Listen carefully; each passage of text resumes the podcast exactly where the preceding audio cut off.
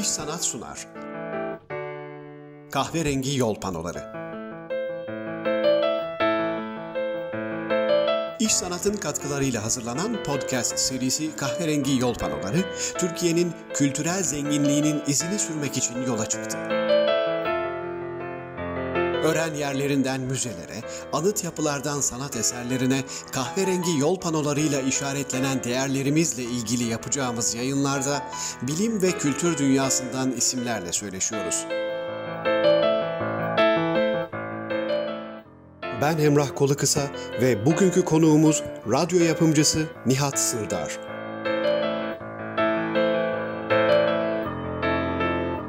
Kahverengi yol panoları başlıyor.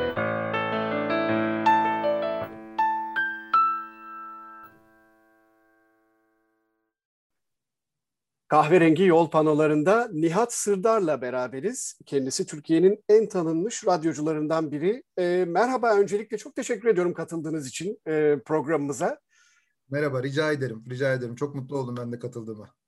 Evet, Nihat Sırdar adını tabii hemen hemen tüm Türkiye biliyor. E, uzun yıllardır e, radyoda en çok dinlenen isimlerden birisiniz. Herkesin sesinizi çok iyi tanıdığı, bildiği bir kişisiniz ama belki sizin takipçilerinizin bir kısmının çok da iyi bilmediği bir şey vardır. O da çok fazla geziyorsunuz. Evet. Biraz biraz o, oradan başlayalım istiyorum. En son e, hatta sanıyorum geçen yılda bu pandemi yasakları şöyle birazcık hafifler gibi olduğunda e, yazın e, Ege'de Nisa ve e, Teos antik kentlerini gezmiştik. Siz de e, sanıyorum e, o dizi gezide e, vardınız, beraberdik evet. hatta. Çok uzun evet. uzun sohbet etme fırsatımız olmadı ama olsun. E, biraz e, onlardan bahsedelim. Öncelikle gezmek sizin için ne anlama geliyor mesela? Şimdi ben e, çocukluğumdan beri aslında gezmeyi, yeni yerler görmeyi çok seviyorum ben. E, çocukluktan beri aslında bu çok sevdiğim bir şey. Çocukken de hep şey derdim ya öyle bir işim olsun ki çok gezeyim yani böyle her yeri göreyim falan gibi bir isteğim vardı. Tam da o böyle dediğim gibi oldu ve şöyle bir hayalim de vardı. Derdim ki Türkiye'nin tamamını gezmeden e, yurt dışına gitmeyeceğim gibi bir hedefim vardı benim.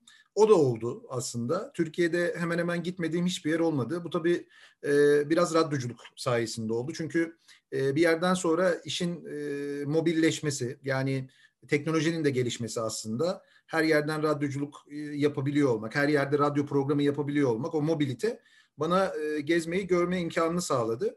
Yani dolayısıyla böyle çok eskiden çocukluktan kalma bir hevesle e, benim gerçekten de Türkiye'de gitmediğim şehir yok. Birçok şehre tabii iş dolayısıyla özellikle büyük kentlerin çoğuna hani yüzlerce sefer gitmişimdir. Artık oranın yerlisi kadar bilgi sahibiyim. Ama e, ben tabii böyle uzun yolculukları, özellikle kara yolculuklarını falan çok seviyorum. Hatta o kadar seviyorum ki ve zamanında da o kadar çok yapmışım ki o bende bir otobüs merakı bile doğurdu. O nedenle e, bir otobüs aldım ben kendime. E, bir 302'm var benim. 82 model bir 302'm var. Yani otobüs kullanmayı da çok seviyorum ben. Yani bu radyo için yaptığımız yayınlar sırasında bir canlı yayın aracımız vardı bizim Alem FM'de ben çalışırken. E, o otobüsle birlikte başladı e, kullanma merakı da. E, işte bizim kaptanımız sağ olsun Yalçın abi kulakları çınlasın. Onun sayesinde iyi de şoför oldum. Ondan sonra dedim ki yani niye benim bir tane otobüsüm yok? İşte bu eski çocukluğum aklıma geldi. Yugoslavya'ya e, bir 302 ile seyahatim aklıma geldi. 8 yaşındaydım ben o zaman. Onların hepsini birleştirip ondan sonra bir 302 aldım bir ortak dostumla birlikte. Onun da böyle bir otobüs hastalığı var. Şimdi dolayısıyla bir, bir otobüsüm var. Bir tane daha var. Şimdi onu aldım, onu yapıyorum. Biraz da klasik merakı var bende çünkü. Ya bunlar tabii e, olunca doğal olarak yola dönüyor ve seyahate dönüyor. İşte 302 ile zaman zaman hafta sonu İstanbul'a yakın yerlere işte Edirne'ye gidiyorum geliyorum, Çanakkale'ye gidiyorum geliyorum. Yani maksat yol yapmak bir taraftan ama bir taraftan da sevdiğim yerlere gitmek. İşte Çanakkale'ye gidince mutlaka bir Troya yapıyorum mesela o tarafa gittiğim zaman. Böyle böyle böyle böyle bir seyahat sevgisi oluştu. Ama tabii mesleki bir durum bir taraftan. Fakat benim hiç şikayetçi olduğum bir durum değil. Ben aksine e, işin en çok bu tarafını seviyorum. Yani bu radyoculuk mesleğinin en çok bu tarafını seviyorum. Peki şeyi çok merak ettim. Ee, bir kere o 302 anladığım kadarıyla direksiyonda bizzat siz oturuyorsunuz e, tabii, zaman tabii, zaman. Tabii. Ee, İkincisi içini modifiye ettiniz mi, değiştirdiniz mi? Ee, nasıl bir otobüs oldu? Ben de çünkü 302 80'li yıllarda işte Bodrum'a falan onlarla giderdik. Tabii tabii canım tabii. Şimdi o yıllarda tek zaten bu otobüs. Yani e, Türkiye'nin en çok satan otobüsü e, işte Türkiye şartlarına göre yapılmış, e, maliyeti falan son derece uygun, e, son derece düzgün. Dolayısıyla hep o tercih edilmiş. Şöyle, e, şimdi benim aldığım otobüs e, 82 model bir otobüs. Kayseri'de buldum ben, pardon e, Aydın'da buldum ben bu arabayı. Aydın'dan Bursa'ya getirdim. Bursa'da bir karosercim var. Onun da işi sadece klasik otobüs toplamak. Yani e, mesela Has Turizm'in bir e, otobüs müzesi var. Kimse bilmez Hatay'da. E, o Hatay'daki müzenin e, bütün otobüslerini o yapıyor. Ahmet Canbaz diye bir usta ve gerçekten usta. Yani bu işin ehli bir adam. E, çok severek bizim sürekli böyle kavga ediyoruz o. İşte diyor ki orijinaline uygun olsun. Ben diyorum ki ama biraz daha konforlu olsun falan diye. Şimdi dışı e, bildiğiniz o dönemin 302'si. Hatta boyası e, boya şeritleri falan e, şey jet diyorlar onlara otobüs dilinde o yan taraftaki kuşaklara jet derler. O jetler e, falan hepsi o döneme uygun. Sadece rengi e, Türkiye'de üretilen e, otobüslerde uygulanan bir renk değil. Almanya fabrikasında üretilen bir rengi buldum ben çok daha güzel. Krem üstüne turuncu renkli bir araba oldu. İçinde şöyle bir değişikliğe gittim ben sadece. E, kalan her yeri orijinal arabanın. İçini ben 2 artı 1 yaptım. Daha geniş koltuklar yaptım. Çünkü ben hani e, para kazanmak için daha çok yolcu taşıyayım derdiyle yapmadığım için 2 artı 1 Ondan sonra rahat rahat böyle arkadaşımı, eşimi, dostumu taşıyabileceğim, onların da seyahat ederken arkada rahat edebileceği 26 kişilik bir araba yaptım. İşte karşılıklı koltuklar var, ortada masa var falan. Yani böyle bir karavan yapmadım ama seyahat edilebilecek bir e, araç yaptım ve şu anda yani buradan e, Türkiye'nin değil dünyanın her yerine gidebilecek performanslı bir araba oldu. Bayağı fabrikadan çıktığı gibi oldu. Hatta bu araba hacı e, zaten yani hacı otobüs diyorlar buna. E, ben ilk aldığımda Bursa'ya getirdiğimde arabanın içini dolaşırken usta şey dedi bana. Aa dedi bu araba dedi hacı dedi. Dedim nereden biliyorsun ne hacı? E dedi ki bak dedi tavanda dedi delikler var dedi. O delikler o otobüsün e, hac yolculuğu yaptığını Suud sınırında e, şişleyerek uyuşturucu var mı yok mu diye kontrol edildiğini Aa. gösteriyormuş. Oradan da otobüsün hacı otobüs olduğunu öğrenmiş olduk yani. Çok ilginçmiş evet. Peki e, yani bu otobüs tabii radyoculukla da birleşince e, şöyle bir şey mi geliyor benim aklıma? Gittiğiniz yerlerde otobüsten yayın mı yapıyorsunuz? E, yoksa hani otobüs e, sadece ulaşım için kullanıp farklı türlerde mi yayınlarınız? Nasıl oluyor? Şöyle bir canlı yayın aracımız var bizim. O profesyonel bir araba. Yani işte uydu interneti ile yayın yapıyoruz, gönderiyoruz. Ama ben bu otobüsü de yayın yapılabilir şekilde yaptım. Dışarıdan elektrik almam yeterli oluyor. E, GSM üzerinden zaten artık çok kuvvetli biliyorsunuz internet. E, gittiğim her yerden ben e, yayın yapabiliyorum aslında. Sadece bir internet bağlantısı olması yeterli. Dolayısıyla otobüsün içine de kurulup dilediğim yerde sadece bir case'im var benim. İşte içinde e, iki tane bilgisayar, bir tane mikser, kulaklıklar, amfiler, manfiler falan onların hepsi bir bavul gibi bir şeye sığıyor. Nitekim yurt dışı yayınlarını da öyle yapıyorum. Ben yurt dışına giderken yayın arabası götüremediğim için o case gidiyorum birçok dünyanın ülkesinden yayın yaptım. Ama otobüsü de ona uygun yaptım. Arkada yayın yapabileceğim bir masa yaptım. O masaya kuruluyorum. İstediğim yerden yayın yapabiliyorum.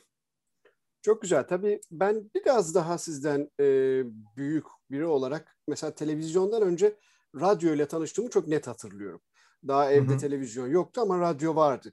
Ee, ben hatta gece uyurken bazen o işte portatif bir radyo vardı. Onu alır radyo tiyatrosu dinlerdim falan öyle şeyler yapardım. Ya da aynı e, şeyleri aynı şeyleri yapmışız. Aynı e, şeyleri değil yapmışız. Mi? Ya da tape vardı evde. Onu radyonun yanına koyar işte basardım beklediğim şarkı çıkacağı zaman falan onu kaydedeyim diye. Böyle şeyleri çok yaşadım ama bugün bakıyorum e, artık e, bir podcast işte şu anda yaptığımız şey e, neredeyse e, radyo işlevini iyice genişleten çünkü istediğiniz zaman istediğiniz e, programı, podcast'i, yayını yeniden yeniden dinleyebileceğiniz inanılmaz bir dönüşüm geçirdi. Yani 90'lı yıllarda diyelim eğer özel radyolar başladıysa Türkiye'de e, evet. onun tarihini biz e, incelerken inanılmaz bir teknolojik aslında gelişim de gördük.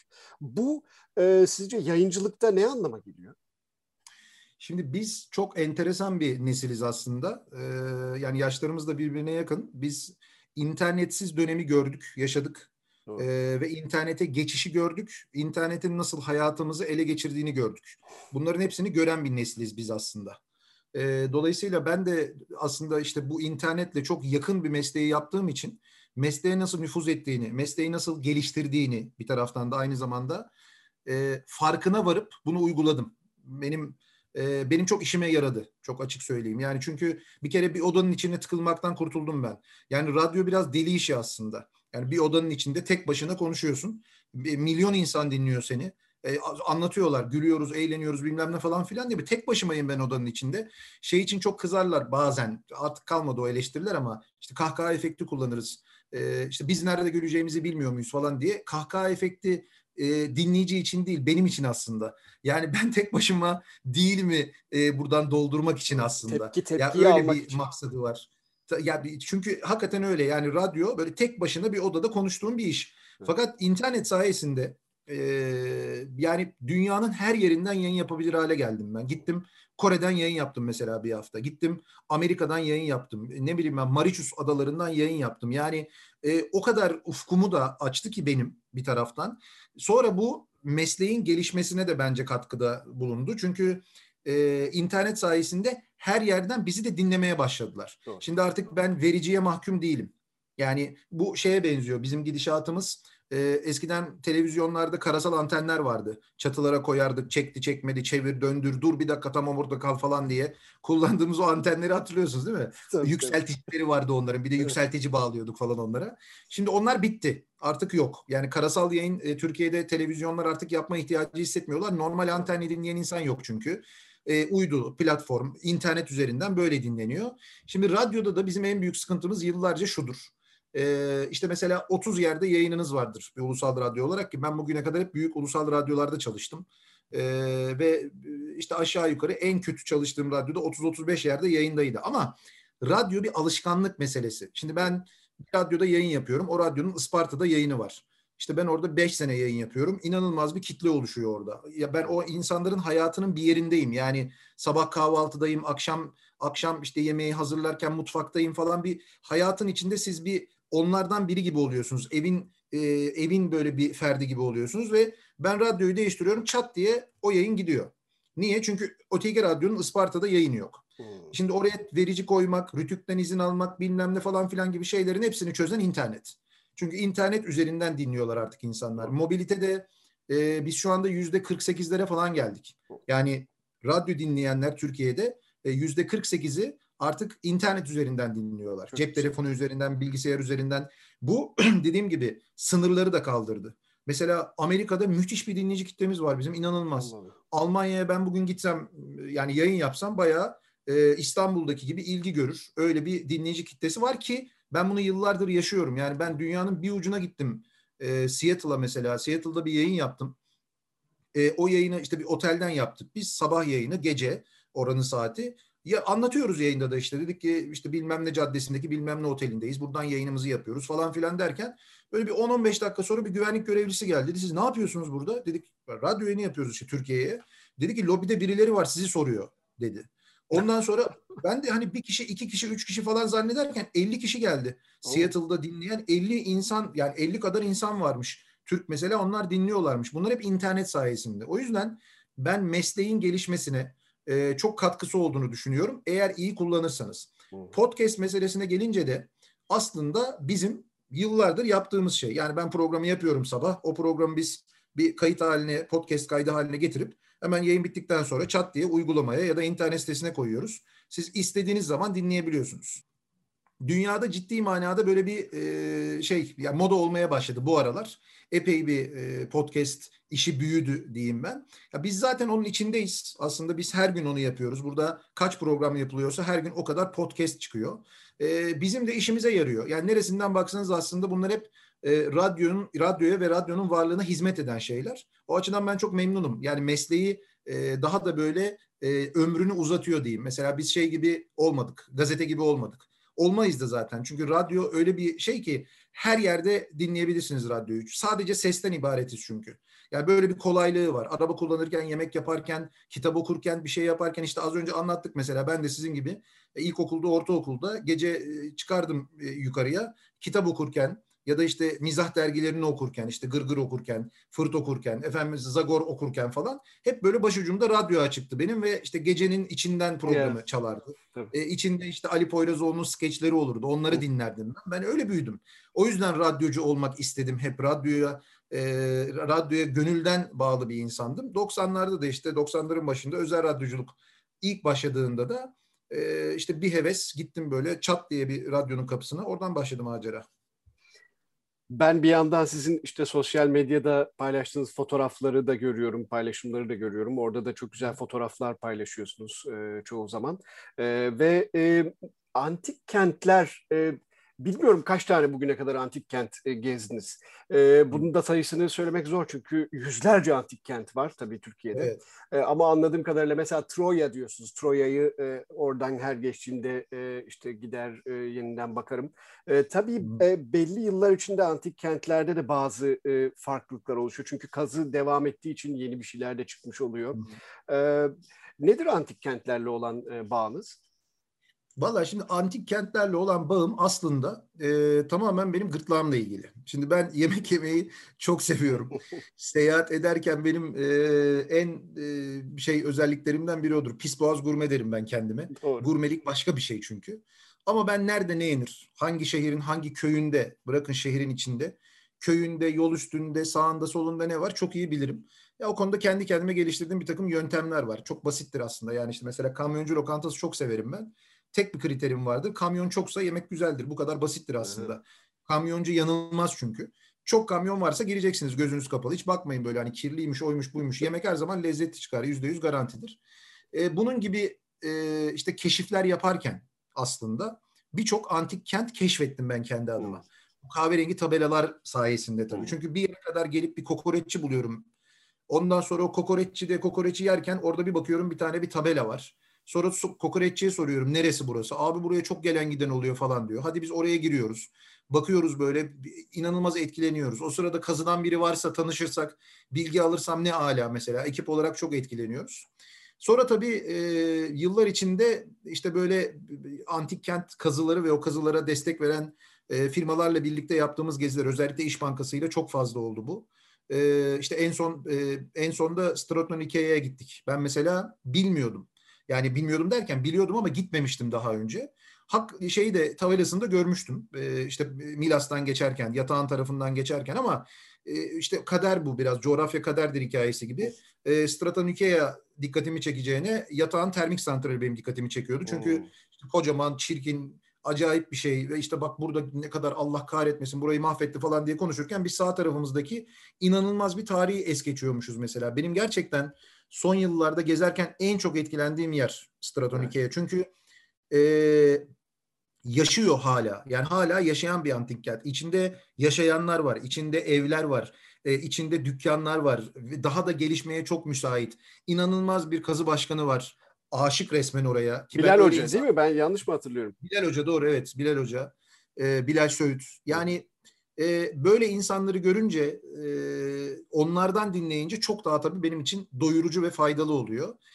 Şey çok ilginç bir şey yani hani gidip e, ne bileyim ben 3000 yıl önce yazılmış bir e, fiyat tarifesini görmek mesela. Hmm. İşte Straton Ikea'da o var mesela yani e, binlerce yıl önce orada o şehirde hangi ürünün hangi fiyata satılacağını yazmışlar ve o şeyler duruyor yani o yazılar duruyor ve dokunabiliyorsunuz ona. Ya bu bu inanılmaz bir şey. İlgisi olan için ya biraz hayal edebilen, biraz böyle e, kafasında canlandırabilen için gerçekten çok güzel bir şey. Ben e, işte mesela yurt dışında da antik kentlere gittim diyeyim. Mesela Roma'ya gittim. Şimdi ben Koca Mustafa Paşalıyım. Surların dibinde büyüdüm. Yani e, Bizans surlarının, Yedikule'nin içinde büyüdüm ben. Dolayısıyla yani benim için o surlar bir kere en başta oyun yeriydi zaten. Biz oyun oynamaya çıkardık, tırmanırdık, ederdik. Daha hiç restore edilmediği zamanlarda. Yani ben böyle yerde işte şey e, sikke bulduğumuzu, o sikkeyi ondan sonra alıp götürüp çocuğuz çünkü. E, tren yolunda işte Yedikule Samatya arasında raya koyduğumuzu, üstünden tren geçince ezip onu aldığımızı bilirim yani. Çünkü bilmiyoruz ki biz. Ama öyle bir yerde büyüdüm ben. Yani Koca Mustafa Paşa İstanbul'un en eski semtlerinden biridir e, ve şeydir yani işte saray ya da işte e, Bizans sarayları bunların hepsinin dibinde olan hep o saraylarda çalışan ya da halkın yaşadığı insanların yeridir Koca Mustafa Paşa. Öyle bir özelliği de vardır. Dolayısıyla ben hiç uzak değildim. Yani biz ilkokulda Kariye Müzesi'ne gitmiştik mesela. İlkokulda alıp bizi otobüsle Kariye Müzesi'ne götürmüşlerdi öğretmenlerimiz mesela.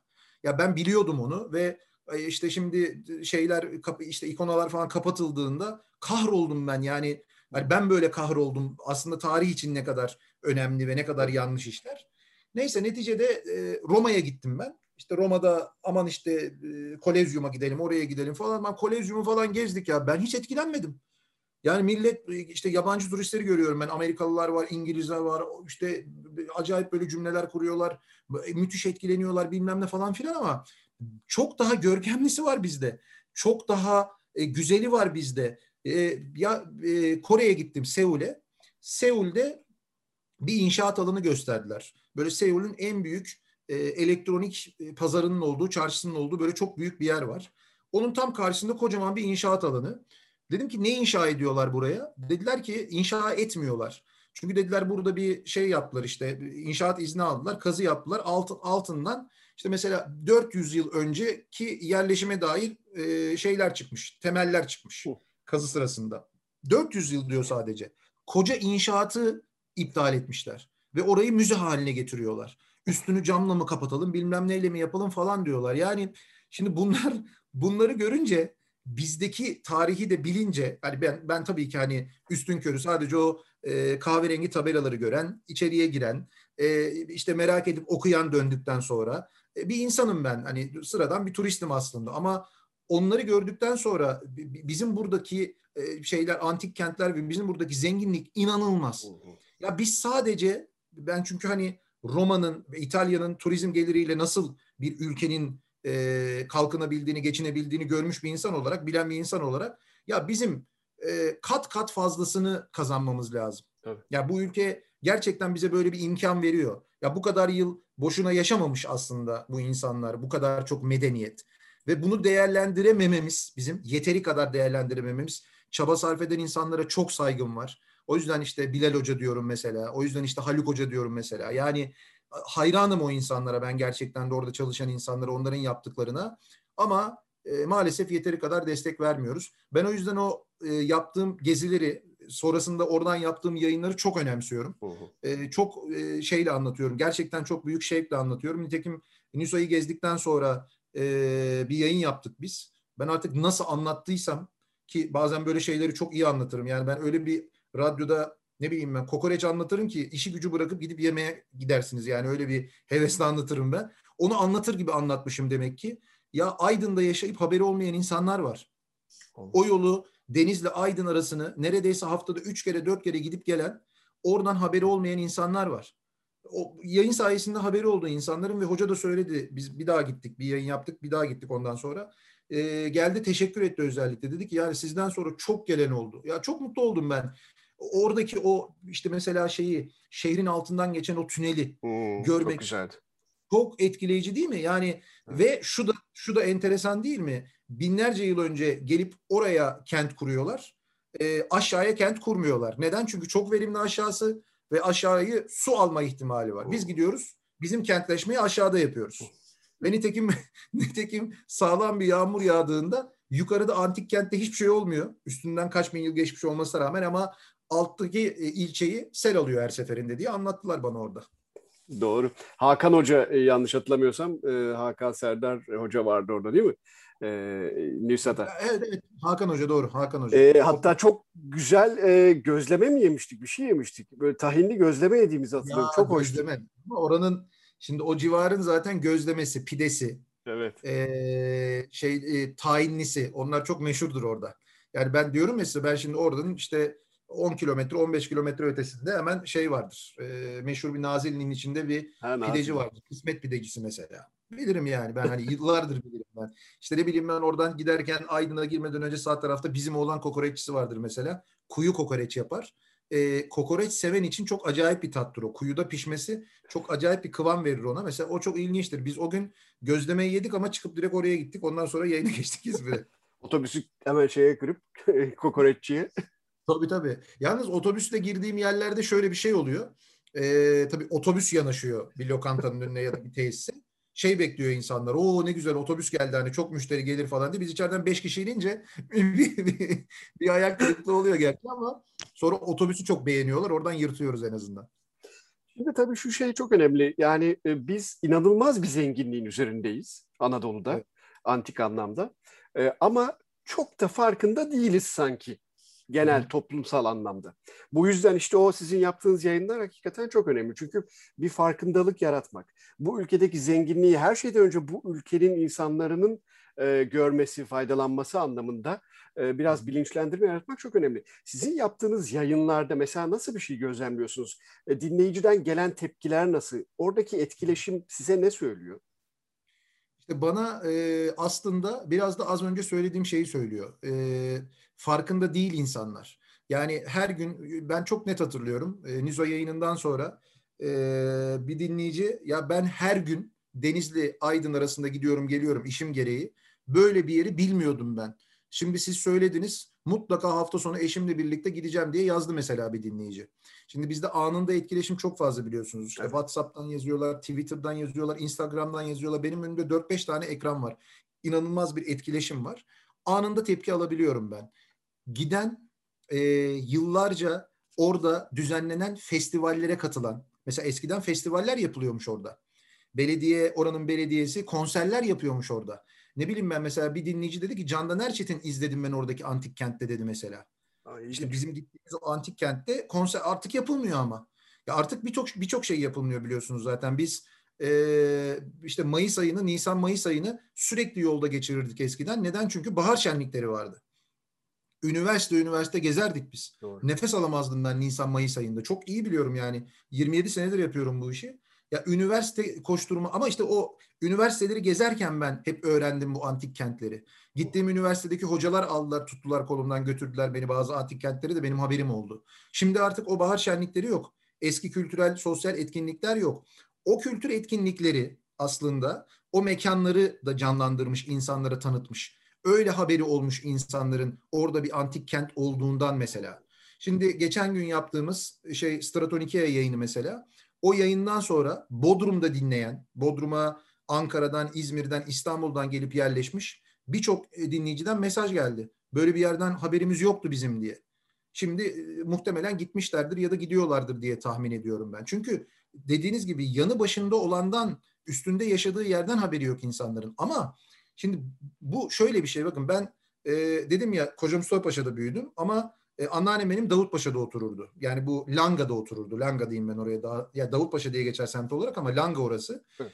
Benim e, Langa'da üzerinde büyüdüğüm mahalle, üzerinde bostan olan Boris'in bostanı diye bir bostan vardı Boris amcanın. İşte girip marul yıkama havuzunda böyle yıkandığımız yazın serinlediğimiz yer bir antik kentin üstüymüş. Hmm. Şimdi Marmaray kazıları ile birlikte orada inanılmaz bir şey çıktı ortaya. Biz onun üstünde büyümüşüz. Onun üstünde benim çocukluğum geçmiş ama bilmiyordum ki ben bunu. Yani şimdi kazıldıkça ki bu kazılmanın sebebi de bu arada Marmaray. Yani hani aa burada böyle bir şey vardır. Dur hakikaten biz burayı bir araştıralım falan değil. Bir sebeple daha doğrusu başka bir sebeple girip bu şekilde öğreniliyor maalesef. maalesef. Yani bir antik limanın üzerinde yaşıyormuşuz biz. Çocukluğumuz orada geçiyormuş mesela. Ama ben e, şimdi biliyorum artık bunu. Bir vesile biliyorum.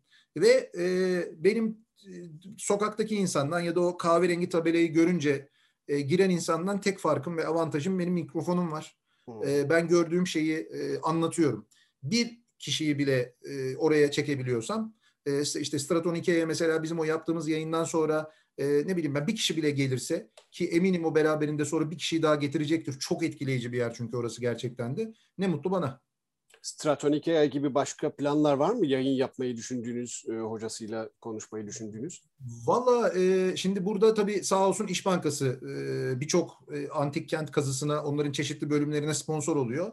E, onlar davet ediyorlar, onlarla birlikte gidiyoruz.